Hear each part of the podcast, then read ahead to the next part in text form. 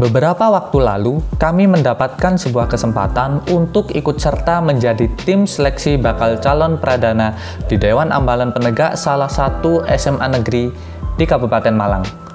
Pada saat itu, kami menyimak presentasi visi misi program kerja setiap bakal calon dan banyak sekali menurut kami kayak harusnya presentasinya tidak gitu ya. Harusnya kalian lebih detail dalam menjelaskan Harusnya kalian menjawab begini ketika ada pertanyaan begitu. Dan saat kami perjalanan pulang dari lokasi tersebut, kami berpikir, apa yang menjadi unek-unek kami tadi itu adalah kritik. Dan ya, akhirnya kami mencoba menyederhanakannya dengan satu kalimat, yaitu kenapa kritik itu ada. Jika kamu adalah seorang podcaster baru atau berencana untuk membuat podcast kamu secepatnya, aku mau membagikan alat yang aku gunakan untuk membantu menghasilkan uang lewat podcast. Namanya Podmetrics. Podmetrics adalah platform yang membuat kamu dapat memiliki kontrol penuh tentang bagaimana kamu menghasilkan uang lewat podcast kamu dapat melakukan kolaborasi dengan brand dan memilih banyak produk atau jasa yang cocok dengan pendengar podcast kamu. Platform ini juga memberikan kamu tips dan contoh tentang bagaimana untuk membuat iklan di dalam podcast dan mendapatkan penghasilan yang maksimum. Ditambah lagi, kamu juga dapat melihat berapa banyak pendengar kamu dan dapat menghitung berapa penghasilan kamu. Dapatkan uang kamu juga sangat mudah. Jadi, kalau kamu seorang podcaster, pastikan kamu mendaftar dengan klik tautan yang ada di deskripsi box dalam episode ini dan gunakan kode referralku. Jadi, kamu juga dapat menghasilkan uang dari podcast kamu.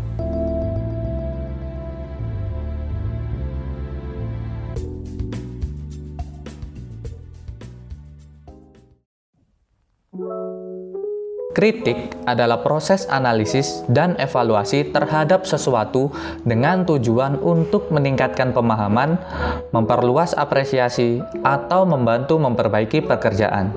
Kritikus modern mencakup kaum profesi atau amatir yang secara teratur memberikan pendapat atau menginterpretasikan seni pentas atau karya lain, seperti karya seniman, ilmuwan, musisi, atau aktor. Dan biasanya, para kritikus modern menerbitkan pengamatan mereka yang dapat kita lihat di jurnal ilmiah. Kaum kritikus banyak jumlahnya di berbagai bidang, termasuk kritikus seni, musik, film, teater atau sandiwara, rumah makan, dan penerbitan ilmiah. Kritik sendiri menurut Kamus Besar Bahasa Indonesia adalah kecaman atau tanggapan yang terkadang disertai uraian dan pertimbangan baik buruk terhadap suatu hasil karya, pendapat, dan sebagainya. Lalu, Kenapa kritik termasuk pada diri sendiri itu penting? Mari berkenalan dengan Robert James Bobby Fischer. Robert James Bobby Fischer adalah pemain catur kelahiran Amerika Serikat yang pada akhir hayat bertempat tinggal dan menjadi warga negara Islandia. Ia adalah satu-satunya pencatur kelahiran Amerika Serikat yang pernah menjadi juara catur dunia. Pada tahun 1958, di usianya yang baru 15 tahun, dia sudah memenangkan kompetisi catur dunia. Usut punya usut, Fischer punya kebiasaan unik di tengah pertandingan. Ia beranjak dari kursi, menepi beberapa langkah dari meja catur, kemudian memperhatikan papan catur seperti layaknya penonton pertandingan. Jadi dia memposisikan dirinya sebagai penonton pertandingan. Lalu dia kembali ke kursinya dan menjalankan pionnya dengan manuver yang tak dapat ia bayangkan sebelumnya.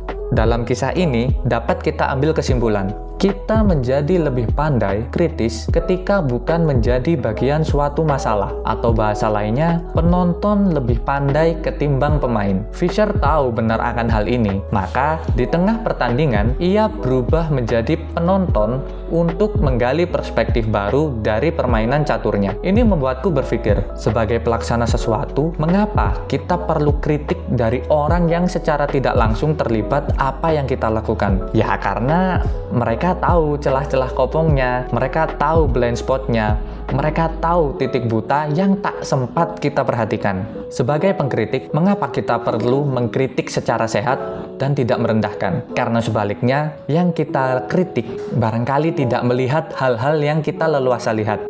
Berempati bukan mematikan kritik, tapi agar kritik tepat sasaran. Bebal atau tidaknya penerima kritik itu menjadi persoalan lain. Gaya, bahasa, atau sopan santun itu relatif. Dan terakhir, mengapa butuh melatih skill mengkritik diri sendiri? Dengan sesekali menepi dan mengevaluasi apa yang kita kerjakan, agar kita melesat lebih jauh, bermental pemenang karena mengetahui kekuatan kita sekaligus rendah hati karena mengetahui kelemahan kita. Terima kasih sudah mendengarkan segmen Mencoba Menginspirasi, dan sampai jumpa di episode-episode berikutnya.